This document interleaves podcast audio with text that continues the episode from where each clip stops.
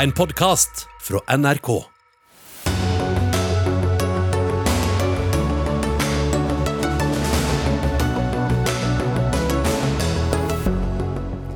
Regjeringen åpner for å dele opp Kristiansand, selv om kommunestyret sier nei. Feil å overstyre lokaldemokratiet, mener KS. Historisk klønete håndtert, sier Venstre. Flerkulturelle blir nekta førstegangstjeneste, men kan likevel bli sendt i krig. Vi føler oss som kanonføde, sier en av dem som ikke får avtjene verneplikten. Skal du leie ut hytta i sommer, vil MDG gjerne gi skattelette, mens Høyre sier nei, fordi de kan drive opp prisene enda mer. Og glem Vy, glem debatten om Oslo Met. Verdenshavsenteret i Bergen setter et nytt lavmål, mener redaktør. Det nye navnet er O. Ja, velkommen til kveldens Dagsnytt 18, der Lilla Sølhusvik er programleder. Vi skal starte på Sørlandet. For to år siden så gikk de to gamle kommunene Søgne og Sogndalen over i historien, da de ble slått sammen med nabobyen Kristiansand. Populært var de ikke, men bystyret i det som ble nye Kristiansand, diskuterte først, og så vedtok de at nå blir det sånn. De nye kommunegrensene de skal stås fast. Og så åpna regjeringen denne uka for skilsmisse likevel, hvis folk i Søgne og Sogndalen ønsker det. Og dette kaller du historisk klønete. Ingvild Thorsvik, stortingsrepresentant fra Agder og Venstre. Dette burde regjeringen holdt seg langt unna, sier du. Hvorfor det?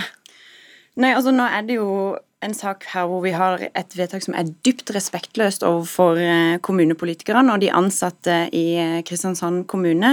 Regjeringen velger det altså å overstyre lokaldemokratiet i Kristiansand, og samtidig så gjør de det altså på en så utrolig uryddig, langdradd og klønete prosess. Altså For det første så er det lagt opp til en folkeavstemning hvor det blir rundt, kun rundt 15% av innbyggerne i nye Kristiansand som faktisk kan stemme. Eh, for det andre så har de jo allerede uttalt at denne avstemningen blir førende. men dette er jo ikke opp til regjeringen, dette er en sak som må inn til Stortinget for å avgjøre. og Her har vi en, en mindretallsregjering som gir slike føringer uten å tydeliggjøre at dette er en sak som skal inn på, på Stortinget.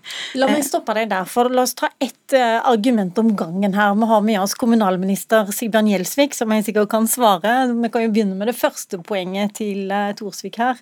15% av innbyggerne i nye Kristiansand, som altså er de tre gamle kommunene, Søgne, Sogndalen og Kristiansand by, kan få lov å stemme i folkeavstemning. Er det sånn det skal være? Altså, jeg synes jo det er en ganske spesiell tilnærming fra eh, Venstre i denne saka her. Eh, for at eh, det er jo ikke lenger noen lokale folkevalgte i Søgne kommune å lytte til. Det er ikke lenger noen lokale folkevalgte i Sogndalen kommune å lytte til. Fordi at Venstre sammen med Høyre og Frp har sørget for tvangssammenslåing av de kommunene inn i nye Kristiansand kommune. Men det er vel det... folk fra Søgne og Sogndalen i kommunestyret i Kristiansand? Jo, men altså her har en sørga for en tvangssammenslåing av av eh, kommuner imot en sterk og vedvarende oppslutning mot både Søgne og Sogndalen. Det vi har sagt er jo at vi nå skal sette i gang en utgreiing, og så skal folk i Søgne og Sogndalen få si sin mening om hvorvidt de ønsker å bli egen kommune igjen. og Så skal vi lytte til det og legge frem forslag for Stortinget om det. Ok, og Så svarte du da akkurat det du ville på et helt annet spørsmål, men mitt spørsmål var altså hvorfor skal bare en del av eh, nye Kristiansand eh, kommune delta i folkeavstemning, nemlig de som bodde tidligere i Søgne og Sogndalen? Ja, altså De som bor i eh, Søgne skal få lov til å få si sin mening om hvorvidt Søgne skal få bli en egen kommune igjen. Søgne ble tvangssammenslått av Venstre, Høyre og Frp. Men ikke de i Kristiansand?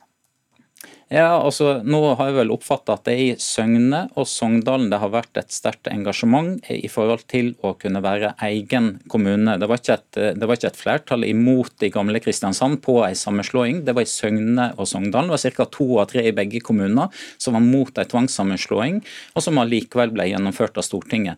Dette viser jo hvor uklokt det er når en fra Stortingets side går inn og overkjører folkemeninger og gjennomfører tvangssammenslåinger, sånn som det har skjedd i dette tilfellet her. Der hører du, Torsvik. Det er i Søgne og Sogndalen det har vært mest engasjement, derfor det er riktigere. Det er det han sier her. Altså, dette er jo en beslutning som vil påvirke absolutt alle i Kristiansand kommune. Det vil påvirke tjenestetilbudet, det vil påvirke de ansatte, det vil påvirke innbyggerne. Altså, det er jo snakk om å bryte ned eh, store arbeidsplasser som nå har begynt å arbeide sammen, og som har gjennom en pandemi og gjennom en stor omstilling som de har gjennomgått eh, i første kommunesammenslåing, nå skal da gjennom en ny sånn type reform. Og Vi ser jo ansatte i Kristiansand kommune som går ut og sier at dette er demotiverende, de er dypt skuffa over det som skjer nå. Og jeg lurer jo veldig på, fordi vi har jo fått vite at eh, Kristiansand Arbeiderparti de har jo ikke blitt involvert i denne prosessen eller fått noe informasjon om den. Men har dere vært i kontakt med de tillitsvalgte som arbeider i kommunen? Har dere fått noen innspill på hva de sier, før dere faktisk har fatta denne beslutningen? Gjelsvik. Altså, det er jo viktig å si at her har vi sett, sett, i gang en utredning, og så skal det være folkeavstemning i forbindelse med lokalvalget neste høst. og Det er altså opp til innbyggerne i Søgne og Sogndalen i forhold til om de skal bli en egen kommune igjen. Og de ansatte i Kristiansand de kan si hva de vil? Altså i storkommunen, de kan Ja, Selvsagt skal de ansatte i, i Kristiansand kommune òg få delta i prosessen. Jeg har vært i kontakt med kommunedirektøren i Kristiansand. I morgen skal òg departementet delta på et møte sammen med ansatte i Kristiansand kommune via Teams. Og Jeg skal òg eh, ned til Kristiansand i løpet av kort tid og ha møte med, med kommunen, både om den saka her og andre viktige saker for Kristiansand kommune. Men poenget er jo det, det er jo alltid sånn i et demokrati Eh, at eh, det er ulike beslutninger. En vet jo heller ikke hva som blir resultatet framover her. Men poenget er jo det at innbyggerne i Søgne og Sogndalen skal bli lytta til. Det har de ikke så langt i prosessen. Og Så får en se hva som blir resultatet. Altså, hvorvidt eh, ledelsen i Kristiansand kommune hvorvidt det er deres sitt syn som vinner fram, eller hvorvidt det er det som har vært så langt et sterkt og vedvarende engasjement for, eh, for Søgne og Sogndalen som egen kommune. Og Det har vi sagt at det legger vi opp til folk i Søgne og Sogndalen å ta stilling til. Og så vil vi lytte til det uansett om resultatet okay. går i den ene eller andre retningen. Eh, vi har med oss også Helge Eide, du er områdedirektør i KS. Jeg vet dere har gått inn i det juridiske her. Har regjeringen rett til å overstyre et kommunestyrevedtak i Kristiansand? De vedtok med 39 mot 32 stemmer å beholde den nye kommunestrukturen. Ja, det er jo sånn at eh, Lovene i Norge de bestemmes av Stortinget, og i inndelingsloven er det klart at eh, departementet har selvstendig rett til å eh, ta sine initiativ. Så vi stiller ikke spørsmål ved den juridiske retten til å eh, gjøre dette. Det er klokskapen, eller mangel på klokskap, som vi har stilt et stort spørsmålstegn ved i denne sammenhengen her. Jeg ser i Fedrelandsvennen at du kaller det utilbørlig. Det er helt riktig. Altså, det, det, som vi opplever her, det er at regjeringen de kjører dampveivals over eh, lokaldemokratiet. Det er jo ikke lenge siden at eh, hele Kristiansand kommune med hele sine innbyggere bak har gjennomført en relativt grundig vurdering av om man skulle søke om eh, oppløsning, på bakgrunn av initiativet fra, fra regjeringen. Og Etter den vurderingen og etter den lokale prosessen så sa flertallet i kommunestyret nei eh, til det. Og Det er jo en gang sånn at det står i Grunnlovens paragraf 49 at innbyggerne har rett til å styre lokale tilhøve gjennom lokale folkevalgte organ, eh, som det heter. Så prinsippet om at eh, disse vurderingene skal gjøres basert på eh, det lokale representative demokratiet, det er klart slått fast i Grunnloven. Her mener vi at her, her brytes prinsippet Eh, eklatant. Så selv om regjeringen har rett til å gjøre det, så syns vi det er ualminnelig uklokt fra deres side. Gjelsvik, det var kanskje Senterpartiet som likte å få stempelet og, og ha et utilbørlig overkjøring av det lokale demokratiet? Nei, Jeg er litt overraska over at en ansatt i KS her eh, bruker slike eh, ord knytta til prosessen. Jeg registrerte ikke at Helge Eide brukte den typen ord eh, da Søgne og Sogndalen ble tvangssammenslått med Kristiansand kommune mot et sterkt flertall imot i de to kommunene. Mens nå, når vi sier at vi skal sette i gang Men du var veldig sterk på det. Du mente jo at man ikke skulle overstyre kommunale flertallet, mens nå er det vel akkurat det du gjør sjøl? Altså Det som vi sier, at vi skal sette i gang en utredning, og så skal vi altså gjennomføre en folkeavstemning. Vi skal eh, gi folk mulighet til å si sin mening, og så skal vi lytte til det. Og Det håper jeg òg at eh, innbyggerne eh, håper også at de lokale folkevalgte i Kristiansand kommune vil velge det etter en folkeavstemning og mm, lytte til det, det flertallet. Helge, det, er det noe verre eh, at denne regjeringen overstyrer kommuneflertallet enn at den forrige regjeringen kanskje gjorde det? Eh, ja, nå er det viktig at vi befinner oss i 2022 og 2018. Vi kan saktens diskutere eh, de tingene som skjedde i, i 2018, hvor ting ble gjort eh, på tvers av hva flertallet i kommunestyrene vedtok. Prinsippet var akkurat like ille på det tidspunktet der. Men, men gjort er gjort, og spist er spist, som det heter. Og organisasjonene har vært gjennom en omfattende prosess for å tilpasse seg den fortsatt også legale retten som Stortinget hadde til å fatte vedtak, også den gangen i strid med hva noen kommunestyrer mente. Men, men, poenget er det prinsippet vi må ta utgangspunkt i. At, at eh, lokale tilhøver, lokale forhold, de skal eh, avgjøres gjennom eh, folkevalgte organer. Og Jeg kan knapt komme på noe som er bedre egnet for å ta eh, avgjøres lokalt enn hvor kommunegrenser skal gå. Og Det setter er poenget i dette tilfellet. her. Setter du det representative demokratiet som man jo har ved at man velger representanter til et kommunestyre som skal bestemme, setter du det til side i Gjelsvik? Nei, altså Vi har et representativt demokrati, men så har en òg en mulighet etter inndelingslova i særskilte tilfeller til å ta et initiativ fra departementets side.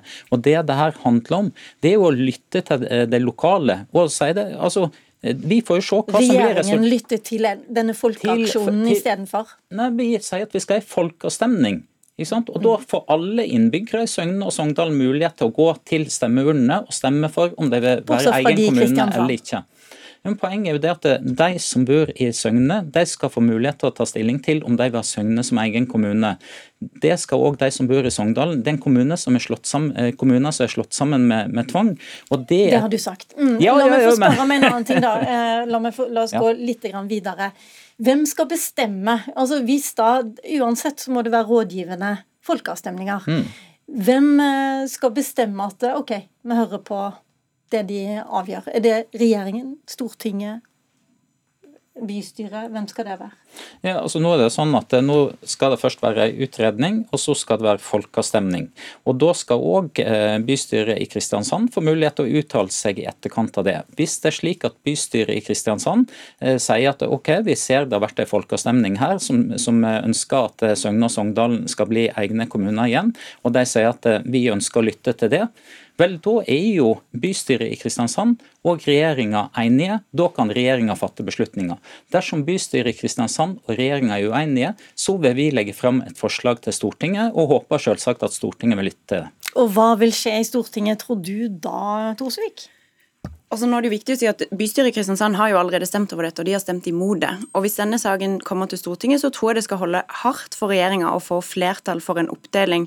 Altså Det er jo flere representanter også innad i regjeringspartiene som er sterkt kritisk til det som nå blir gjort i Kristiansand. Men litt tilbake igjen til det som, som handler om denne overkjøringa av lokaldemokratiet her. fordi her har jo regjeringen òg sagt i, altså De har lagd i sin, sine kjøreregler, altså sin regjeringsplattform, så har de sagt at kommunestyrene skal kunne søke. og dernest skal de vurdere om det skal foretas en deling. Og så har det da skjedd at eh, Etter SPs smak så har det sannsynligvis da ikke kommet nok kommuner som har søkt om dette, så nå tvinger regjeringa dette fram på tvers av hva de sier i regjeringsplattformen, og de skaper en helt enorm uforutsigbarhet for kommunene i hele landet.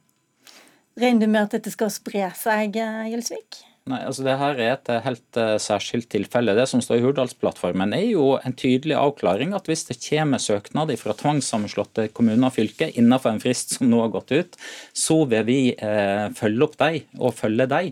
Men det fratar Men nå har du jo bevist at uh, det går fint an å fravike det. Det er jo det du har gjort nei, nå. Nei, men det, det, følger vi fortsatt opp. De søknader som har, har kommet, de har vi fulgt opp. Og de, de fylker og de kommuner som har søkt om deling, de får innvilga det. Men det fratar jo ikke allikevel det at i inndelingslova så har departementet òg en, eh, en, initiativrett som kan brukes i helt særskilte tilfeller, og som, eh, som vi har brukt i forhold til eh, Søgne og Sogndal nå. Mm. Nå er det sånn at Storbynettverket i KS bl.a. har engasjert seg, og Helge Eide, hvorfor er dere så bekymra for det som nå skjer? Det handler jo om å gå tilbake igjen i så fall til tre kommuner som fungerte på et vis tidligere også. Eh, jeg har lyst til å, å, å, si at jeg tror veldig sterkt på kommunalministeren når han sier at han er opptatt av å lytte til folk. Det betviler jeg ikke et eneste eh, sekund. Men det eh, ønsker jeg jo like sterkt Kristiansand kommune og politikerne i alle partier eh, å gjøre. Så spørsmålet er jo ikke eh, om man lytter eller ikke. Spørsmålet er hvor skal beslutningsmyndigheten til å, å bestemme eh, ligge her.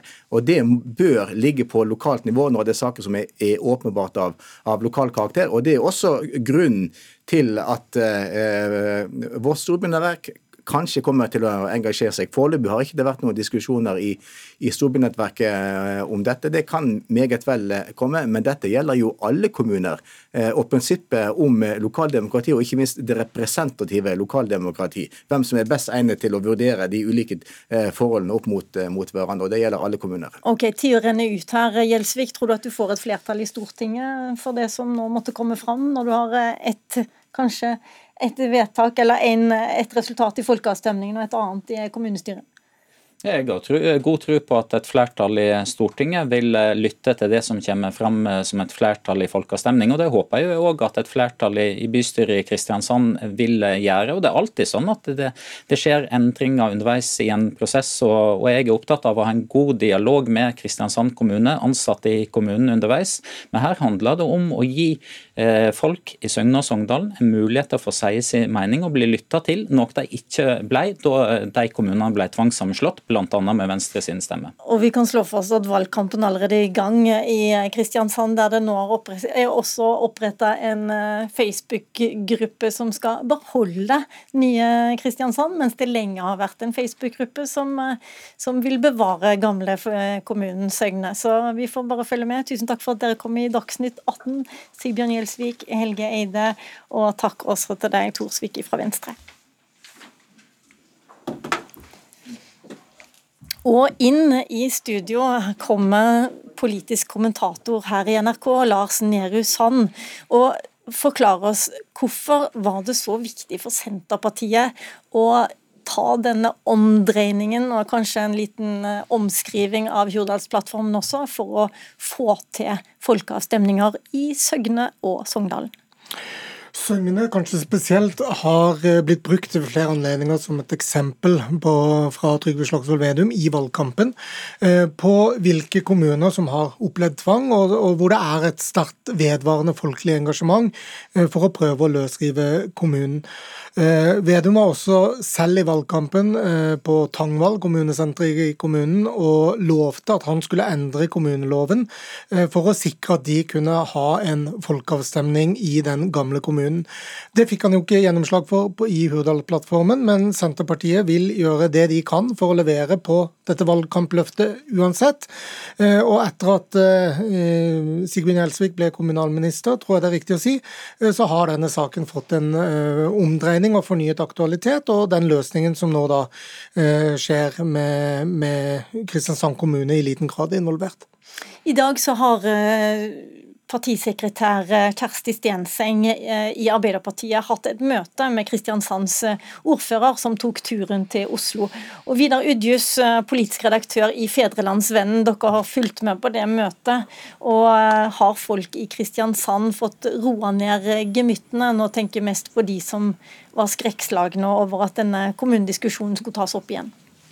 Nei, temperaturen har absolutt ikke eh, dalt i løpet av de siste to og et halvt døgnene siden denne nyheten ble, eh, ble, kjent. Og som du sier, så var jo Skisland inne hos Stenseng eh, i dag.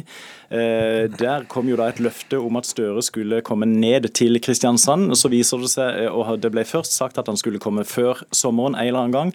Så ble det presisert etterpå, og han hadde likevel ikke tid til å komme før sommeren. Og særlig det siste vil nok bare eh, være som bensin på bålet for de voldsomt frustrerte enkelte tillitsvalgte i Arbeiderpartiet i Kristiansand særlig, som eh, fra før føler seg eh, voldsomt overkjørt og tråkka på av den sentrale partiledelsen.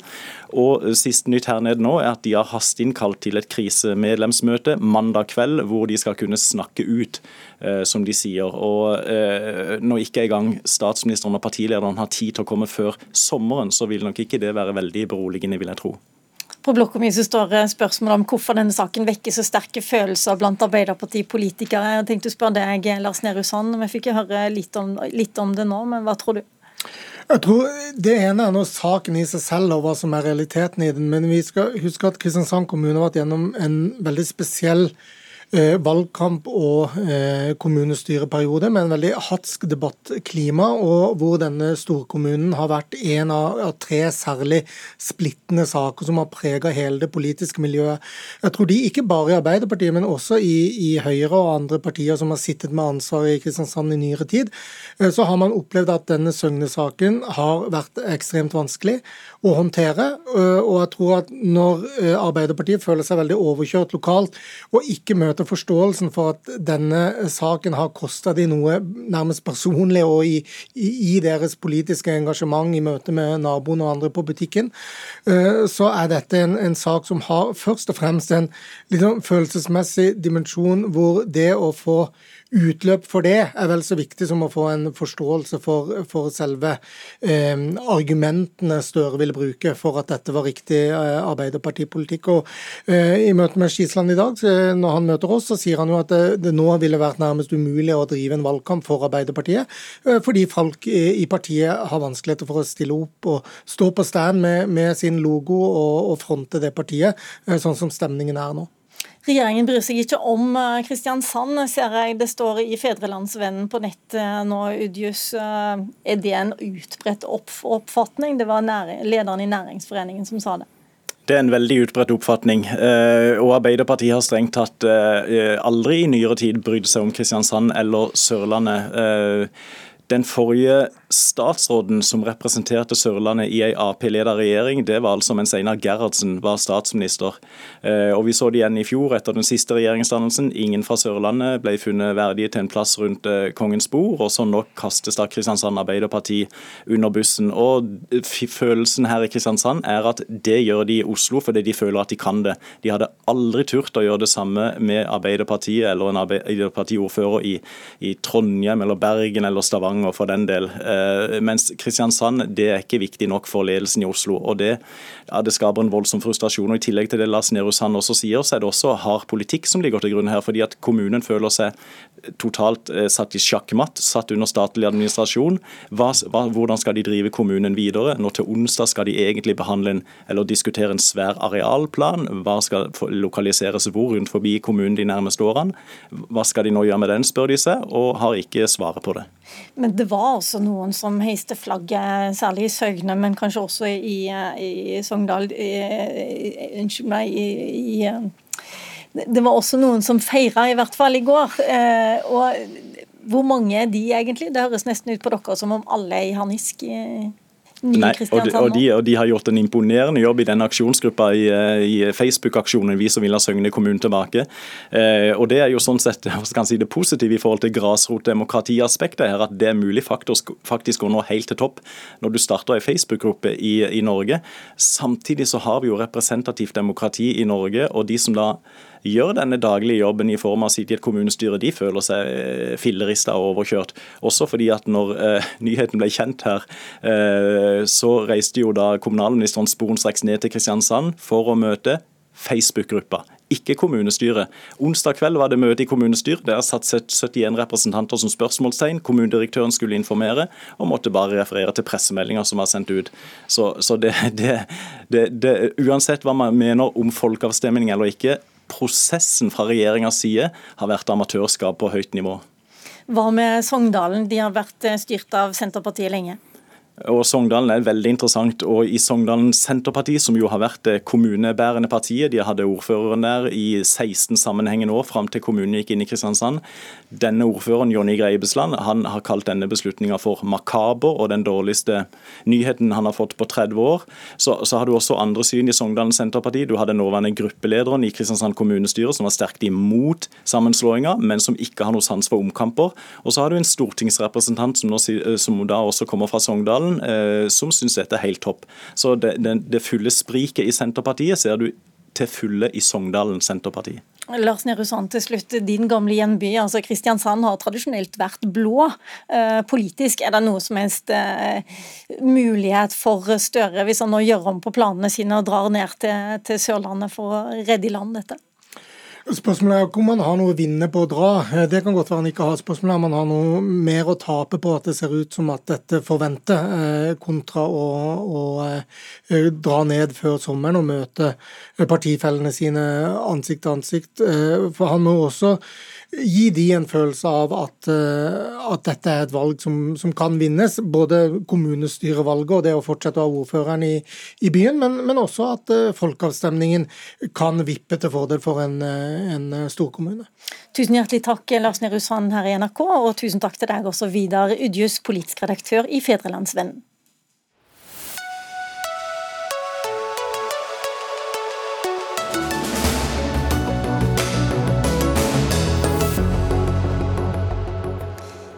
I går hørte vi her i Dagsnytt 18 Finanstilsynet som var veldig bekymra fordi vi har så veldig høy eh, gjeld her i landet. Og eh, I dag kom Det internasjonale valutafondet, også kalt IMF, med en anbefaling om at norske myndigheter bør fase ut den ordningen vi har med fradrag for boliglånsrenter. For oss som har boliglån, så vet vi at dette kan bety ganske mange tusen kroner i året, som vi da ikke får trekke fra lenger. Og eh, Olav Chen, du er senior porteføljeforvalter og leder for allokering og globale renter, som det heter på fint, i Storebrand. Hvorfor har ikke vi gjort dette allerede, hvis det er så lurt? Nei, Det tror jeg er, hadde vært eh, politisk eh, selvmord. Fordi som du sier, eh, så eier jo 80% ca. av befolkningen i Norge sin egen bolig. Og hvis det fradraget fjernes, så vil jo det føre til at mange vil få mye, mye høyere utgifter. Men jeg tenker jo at man skal være mer langsiktig der. Hvis det hadde ført til kortsiktig eh, smerte i forhold til høyere avgifter, mens det hadde ført til lavere boligpriser på lang sikt. Hadde det dempet etterspørselen i boligmarkedet, så ville jo det vært eh, bra for folk flest med billigere bolig. Fordi bolig husly er jo en av de nødvendige godene, eller primærgodene som mat og energi som eh, er viktig eh, ikke blir for dyrt. Vi ser jo hvor betent eh, bare strømprisene og matprisene er nå. Så det er jo fortsatt mange som skal kjøpe seg oppover i boligmarkedet, for å ikke snakke om de som ikke er i boligmarkedet. Så, bare, så jeg bare mener så jeg jo det er en sosial politikk. Ja, nettopp, så det, sånn som jeg forstår det da, så mener du det at det, hvis vi tar vekk det fra, eller hvis regjeringen da tar vekk det fradraget, så blir det billigere for oss alle å kjøpe bolig? På lang sikt så vil nok eh, effekten eh, være med på å dempe etterspørselen. Men på kort sikt så vil jo selvfølgelig det her være dramatisk for mange, og mange vil oppleve som usosialt eh, også. Men der må man se på det relative spillet. Fordi jeg tror mange går med eh, tanker om å kjøpe seg større bolig eller dyrere bolig. Så skulle det, det tiltaket føre til at boligprisene faller. Jeg vet at det er mange som sier at det bygges for lite, ja det er tilbudssiden, men det er også en etterspørselsside der også. Men skulle det føre til lavere etterspørsel og dermed lavere priser, så vil det komme eh, alle eller mange flere til gode med tanke på de høye boligprisene vi har i Norge nå. Grunnen til det her er viktig er jo selvfølgelig at norske husholdninger er i en særstilling når det gjelder høy gjeldsgrad. Og Det er jo egentlig det IMF påpeker, at de er bekymret for at norske husholdninger ligger i verdenstoppen når det gjelder gjeld. Nettopp. Og da har vi invitert med oss en stortingsrepresentant og medlem i finanskomiteen. Eh, Heidi Nordby Lunde, du representerer Høyre. Og er du villig til å begå et eh, politisk selvmord av hensyn til oss alle på lang sikt? Det er nok mange som mener jeg er villig til å begå mange politiske selvmord for saker jeg står for, men det er faktisk noen argumenter for å fjerne skattefradraget for boliglån, som Chen var inne på. Fordi at det hovedsakelig kommer de som allerede er i boligmarkedet boligmarkedet til, til, gode. Men grunnen til at vi ikke har gjort det, også i løpet av de åtte årene vi satt i, i regjering, er at vi vet at nettopp den største sårbarheten i eh, norsk økonomi er den høye gjeldsgraden i norske husholdninger. Um, vi har jo hatt en unormal lav rente over, eh, over, lang tid for å stimulere eh, økonomien, og nå vet vi at renta skal opp. Og Det vi frykter nå, da, er jo at hvis eh, vi har politikere og en regjering som ikke strammer inn på pengebruken og fører en ansvarlig politikk, så vil Norges Bank måtte sette opp renta mer enn nødvendig og raskere enn nødvendig. Og da vil det koste norske familier, vanlige låntakere, mye. Mye mer enn høyere priser på strøm, bensin og matvarer. Og da vil f.eks. et rentefradrag eh, være et kjærkomment tilskudd til den økonomien. Men eh, er dette noe du da kan være med å diskutere, fordi det er i hvert fall tre år til Høyre kan komme i regjering igjen og bli I så fall så vil det være med i en helhetlig vurdering av hvordan vi skal håndtere både boligmarked og, eh, og skattepolitikken. Fordi vi senket eh, jo skattene fra 28% til 22% så reduserte vi også verdien av dette skattefradraget. Men erfaringene fra også bankkrisen på slutten av 80-tallet, der mange måtte gå fra husene sine, så var at dersom politikerne ikke klarer å stramme inn på pengebruken, så er det vanlige folk som må betale for det. Og Da var det jo bl.a. en kredittliberalisering uten en skattereform og ekspansiv finanspolitikk som var bidragsytere til at det skjedde. Ok, Olav Kjenn, det er en ting jeg lurer på. Det er noen som sier at hvis renta går opp nå, så bør man diskutere rentefradrag, men det skjønner ikke jeg. For hvis renta går opp, så blir det dyrere for oss å ha boliglån. Eh, og hvis man tar bort rentefradraget, så blir det ekstra dyrt å ha boliglån. Hva er logikken her nå? Nei, Den argumentasjonen har ikke jeg hørt, og der er jo jeg enig. Timingen er jo ekstremt dårlig. fordi Renten skal ganske tydelig eh, opp i Norge nå, så timingen her er jo dårlig. Så jeg tenker mer en langsiktig plan.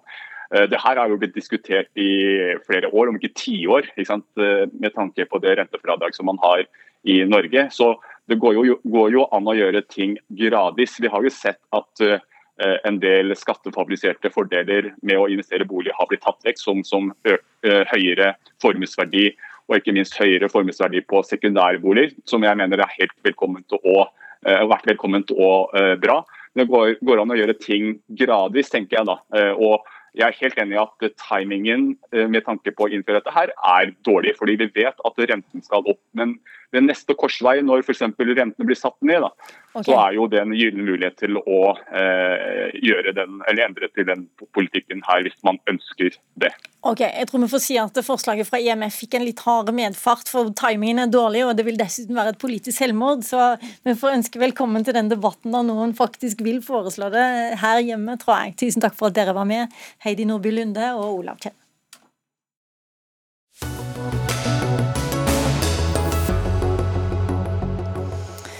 Førstegangstjenesten kan være PS for mange og en drøm for noen, men felles for alle er kravet om sikkerhetserklæring for å læres opp i krig av det norske forsvaret.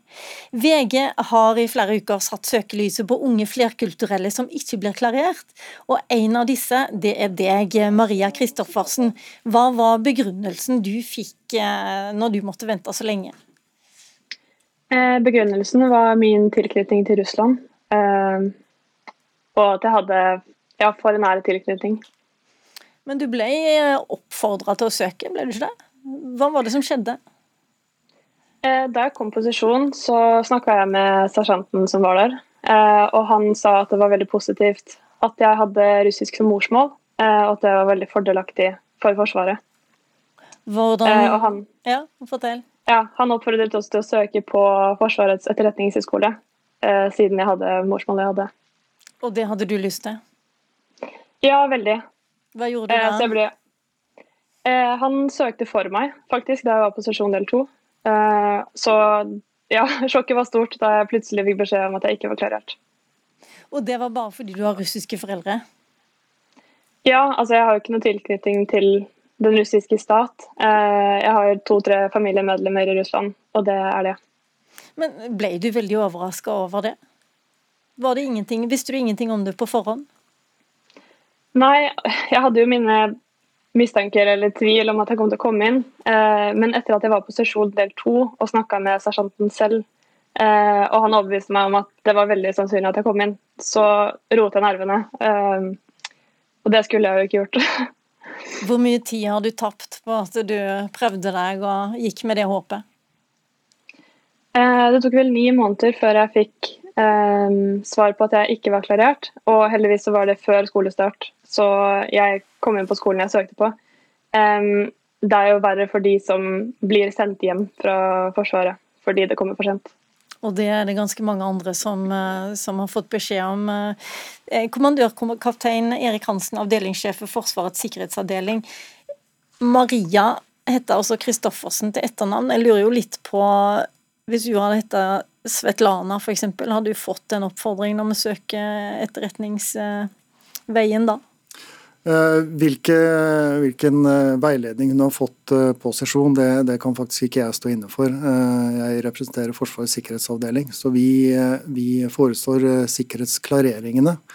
Det er Forsvarets personell- og vernepliktssenter som står for innkallingen mm. og, og, og for, for, den videre prosesseringen. Men hvordan forklarer du alle disse sakene med eh for, altså ungdommer med innvandrerforeldre eller med flerkulturell bakgrunn som venter veldig lenge på å få en avklaring.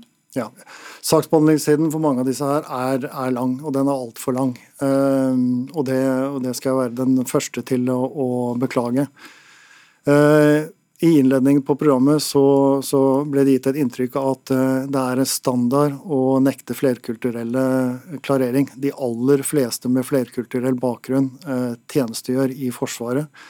Men enkelte land eh, knytter det seg så stor sikkerhetsmessig risiko til, og enkelte vernepliktige har så sterk tilknytning at det ikke er forenlig med å ha en sikkerhetsklarering. Men hvorfor er foreldrene til Maria avgjørende for om hun kan tjenestegjøre? Hun er jo selv født i Norge. Ja, eh, Dette her går jo bl.a. På, på mulig pressgrunnlag. Og hvis man legger til grunn eh, PST og Etterretningstjenestens årlige ugraderte sikkerhetsvurdering, så er det jo enkelte land som det knytter seg spesielt stor sikkerhetsmessig risiko til. Eh, blant disse er, er Russland. Uh, Betyr det at hvis man har russiske foreldre nå, så får man ikke avkjenne noe verneplikt? Er det så enkelt som det? Nei, det er ikke så enkelt. For hver eneste sak gis altså en individuell og helhetlig vurdering. Og i henhold til eh, forvaltningsloven så skal også alle søknader grundig vurderes, og all, uh, opplysning, alle opplysninger som er relevant for saken, skal på bordet før vi kan fatte en avgjørelse. Men når man da altså ikke blir klarert, sånn som uh, Maria her, så får man også en karantenetid på fem år? Ja, det, det er den karantenetiden den, den, kan være individuell, men den er ofte på, på fem år. Når det anmodes om en sikkerhetsklarering, så vil eh, sikkerhetsklareringen ofte vare i fem år, og karantenetiden vil da også være tilsvarende. Men når det er sagt, så altså, tilknytning er én av de elementene som gjør en sak eh, komplisert. Så det er ikke bare tilknytning som kan gjøre at saker tar lang tid å, å saksbehandle. I, min, I, min, avdeling så bruker vi ca. 80% av ressursene på rundt 15% av sakene. Så disse sakene, selv om det kanskje ikke kan fremstå sånn, de er prioritert. Uh, og Det vil også uh, Vernepliktssenteret kunne, kunne underskrive på. Vi skal ha med oss Daniel Hu Øren også. Du fikk heller ikke sikkerhetsklarering fordi moren din er kinesisk. Til VG har du jo uttalt at du føler deg som kanonføde. Hvordan, uh, hva legger du i det egentlig? Hvordan belegger du det? Ja, egentlig fordi at uh, førstegangstjeneste det er jo en opplæring til å tjenestegjøre i militæret i Forsvaret. Og uh, da Jeg er også vernepliktig når det kommer en krisesituasjon i Norge, dersom Norge blir utsatt for krig. Og da føler jeg at jeg får ikke lov da til å være i førstegangstjenesten, men jeg skal fremdeles være pliktig å tjenestegjøre dersom det blir krig. Og da har jeg ikke opplæringen som mange andre har gjennom førstegangstjenesten. Det føles da ut som at det bare blir kastet rett ut og blir kanonføde.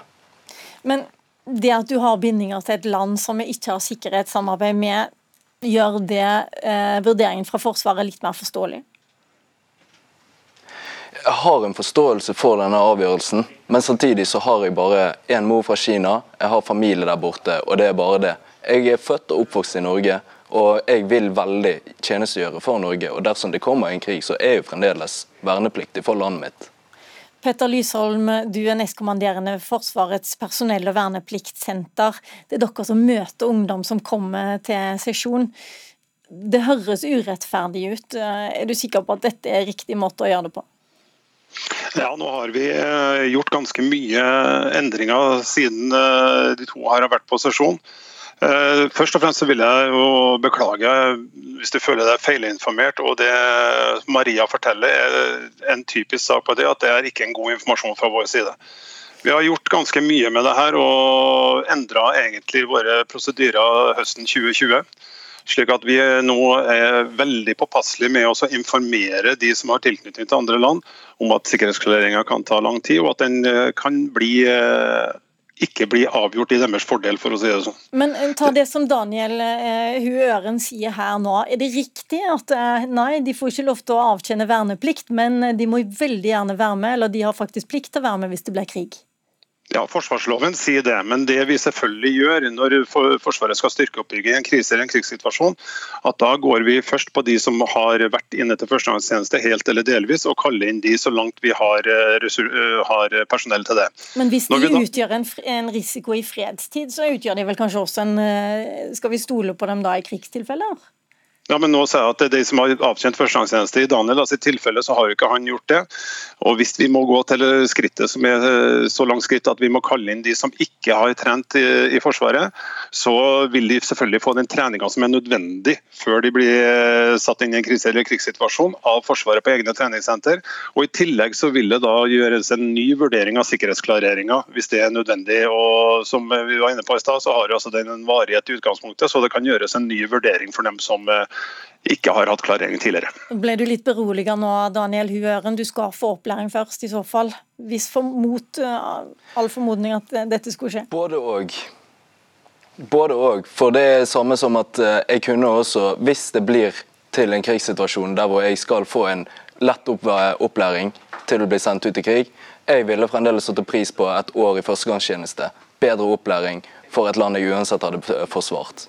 Og da lurer jeg på, Petter Lysholm, er det like greit å si til en som har en kinesisk mor at eh, sorry, men eh, verneplikten det er ikke noe for deg? Ja, det, det lettvinte løsninga er jo det. Men som Erik Hansen sa i stad, så har alle rett på en individuell eh, behandling. Og vi kan ikke bruke det, det tilknytninga du har som et seleksjonskriterium om du får sikkerhetsklarering eller ikke. Det er den individuelle prosessen med sikkerhetsklareringen som må avgjøre. Og Da vil vi behandle alle sammen feil hvis vi da på f.eks. sesjon sier at du kan ikke få førstegangstjeneste pga. at du har den tilknytninga, for det har verken vi kompetanse eller eh, rett til å gjøre. Den skal til Forsvarets sikkerhetsavdeling for å få en eh, individuell behandling. Så mm, Det lengste du kan si nå, da, det er ja til individuell behandling, men eh, sånn som Maria Kristoffersen, hun skal få slippe å bli oppfordra til å søke når hun har så lav sjanse for å komme inn? Ja, og jeg tror at vi har eh, bedre med data nå enn vi hadde på Maria sin tid. Forhåpentligvis har vi det. slik at Nå har vi i utgangspunktet så kan vi altså informere om, og det gjør vi i alle våre brev og informasjoner nå. Vi har tatt et veldig grep på det, for vi har sett at dette er en utfordring for oss. Vi kan ikke holde på med å gi feil informasjon. Og vi må gi rett informasjon, slik at de ikke mister unødvendig mye tid. Ok, Da får vi håpe at eh, færre ungdommer kaster bort eh, unødvendig tid eh, på å vente, i hvert fall. Tusen takk for at dere var med i Dagsnytt 18. Daniel Hu Øren, Maria Christoffersen og Erik Hansen og Peter Lysholm fra Forsvaret.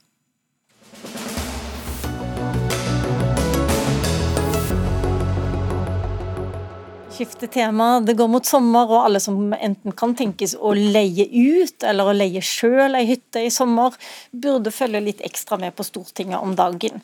Miljøpartiet De Grønne ønsker å få flere til å leie ut, og lokke med mye høyere skattelette.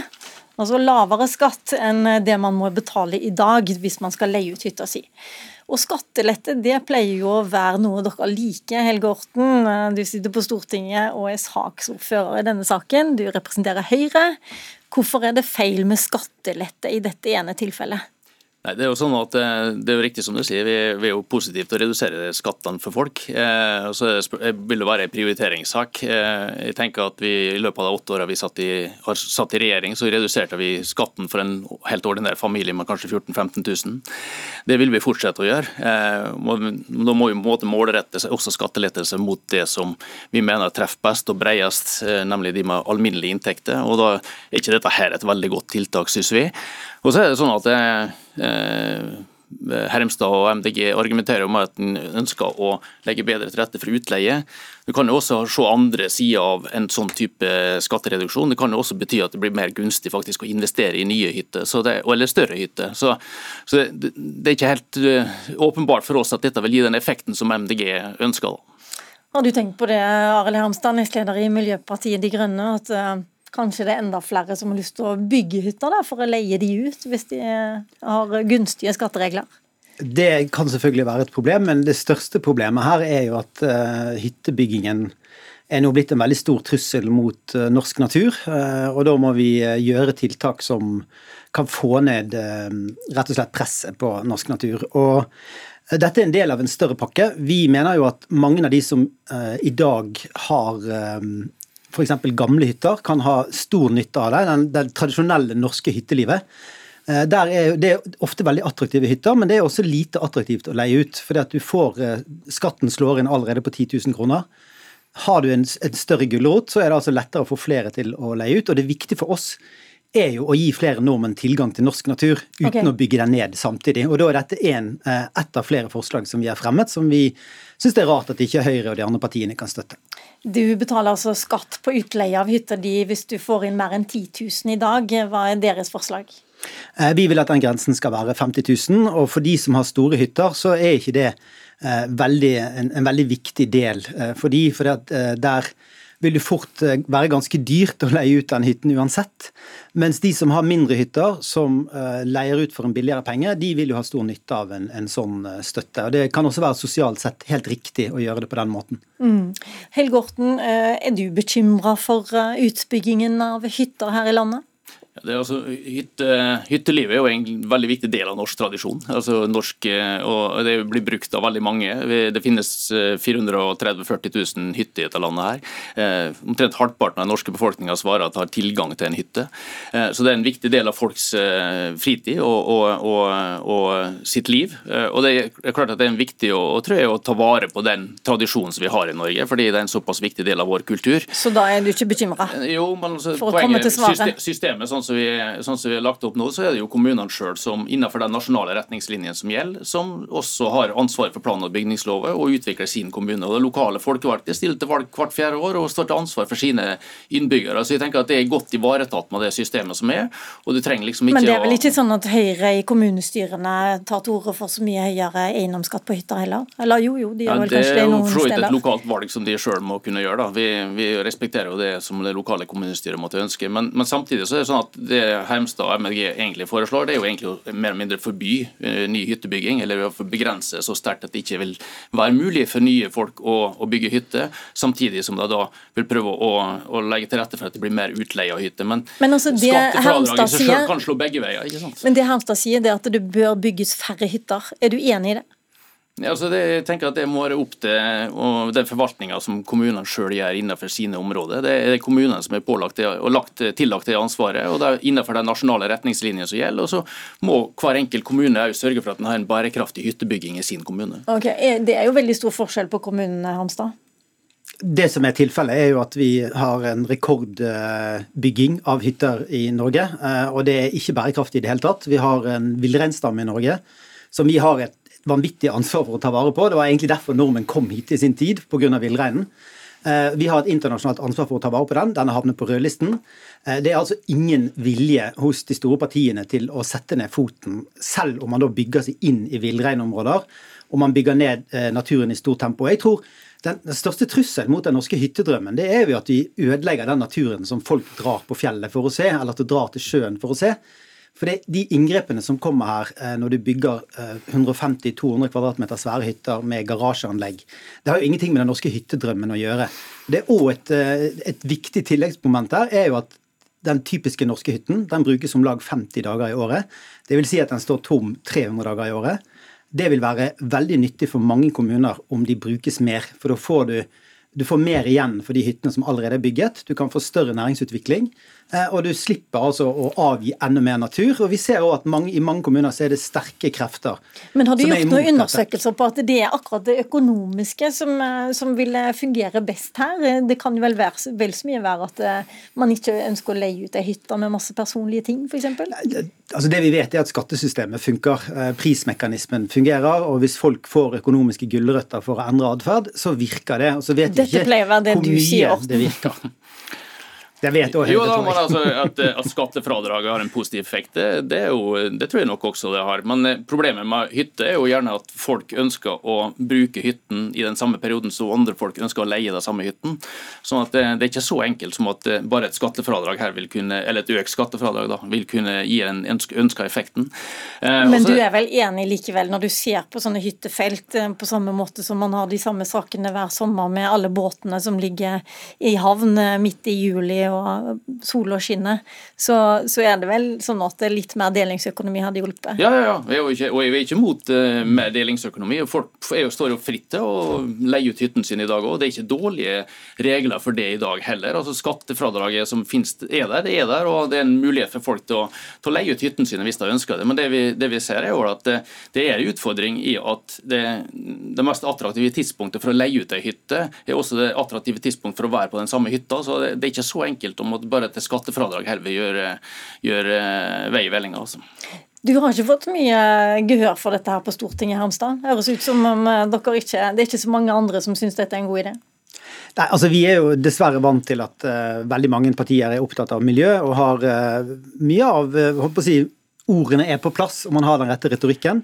Men når det kommer til stykket, så finner man ofte gode grunner for å stemme ned viktige tiltak som kan ta vare på natur, eller som virkelig som kan hjelpe på miljø. Og Vi får dessverre ikke flertall for noen av disse forslagene, og jeg er altså bekymret for at vi kommer til å fortsette å bygge ned fjellheimen og sjølinjene våre i et galopperende tempo. Jeg er ikke sikker på om Høyre er med på noen gang å sette ned foten for dette. Ok, Enn så lenge så får man skattefritak opp til 10 000 kroner for å leie ut hytta si, og det kunne jo vært lurt kanskje for mange å starte der. Tusen takk for at dere kom, Arle Hermstad fra MDG og Helge Orten fra Høyre.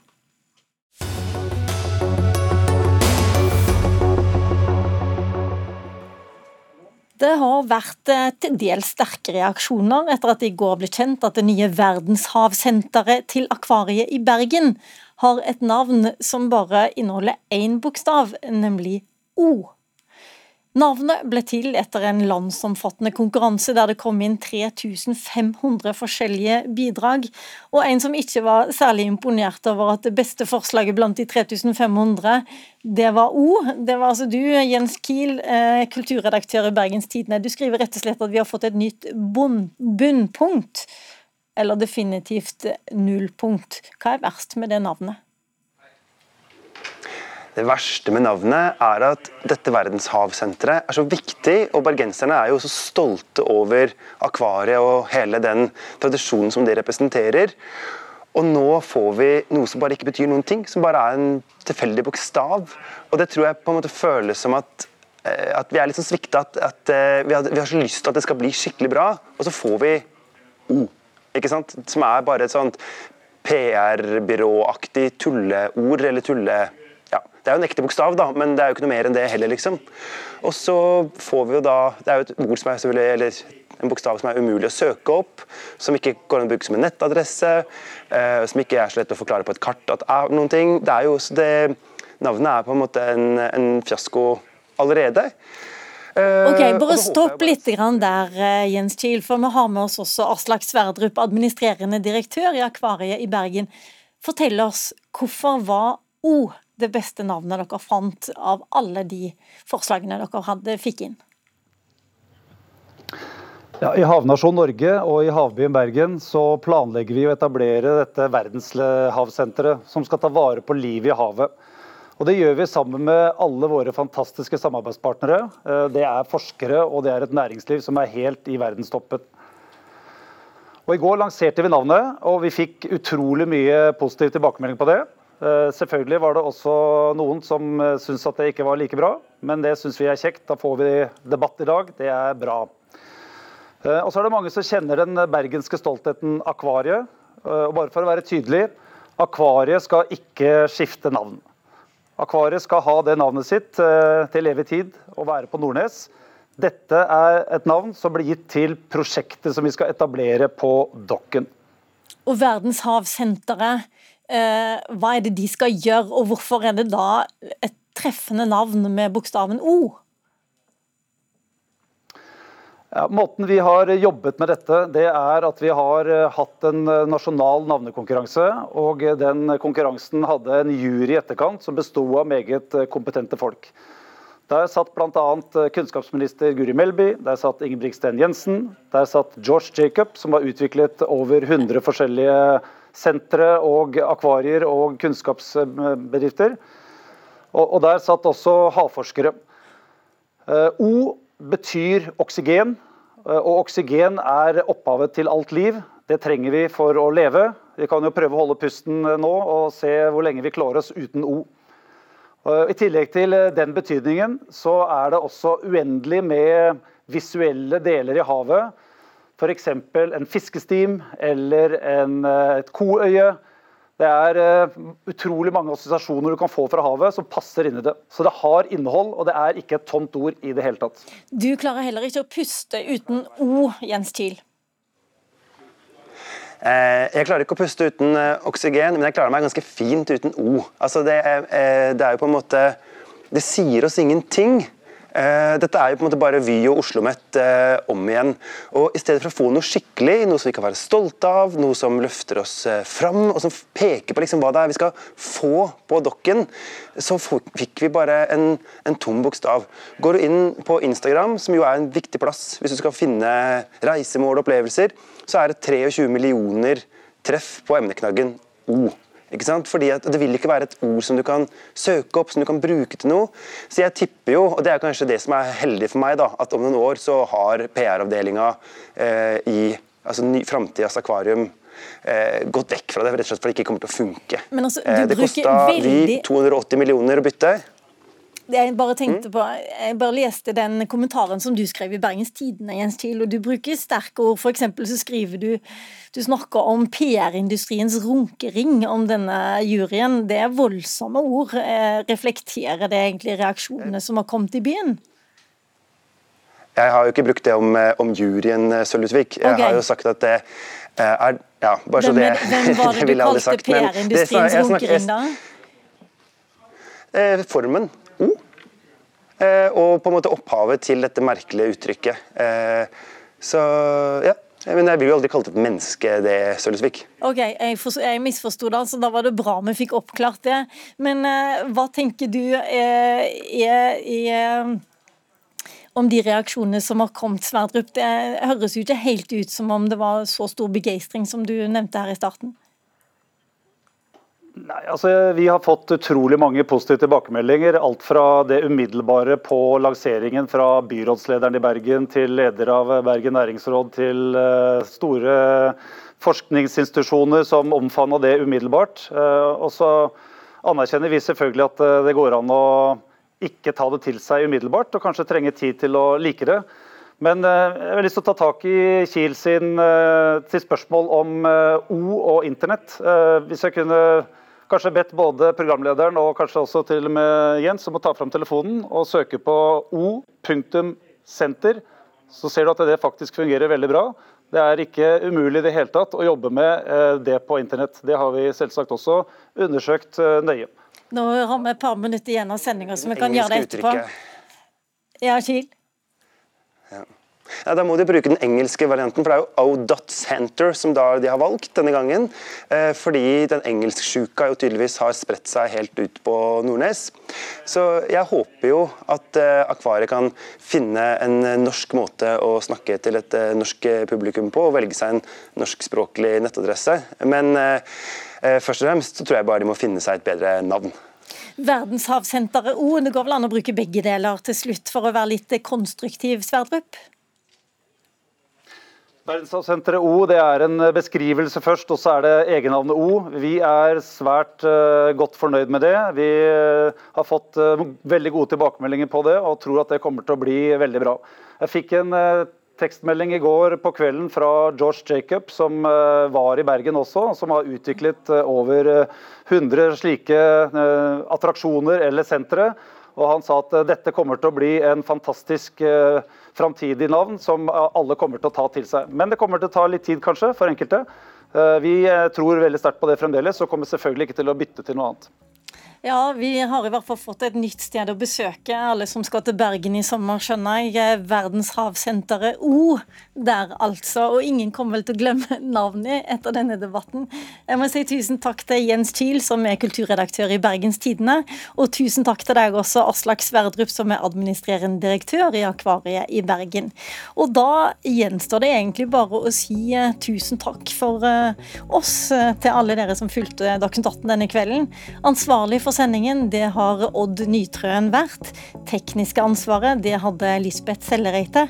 Mitt navn er Lilla Sølhusvik, og i morgen så er Dagsnytt 18 tilbake til samme tid.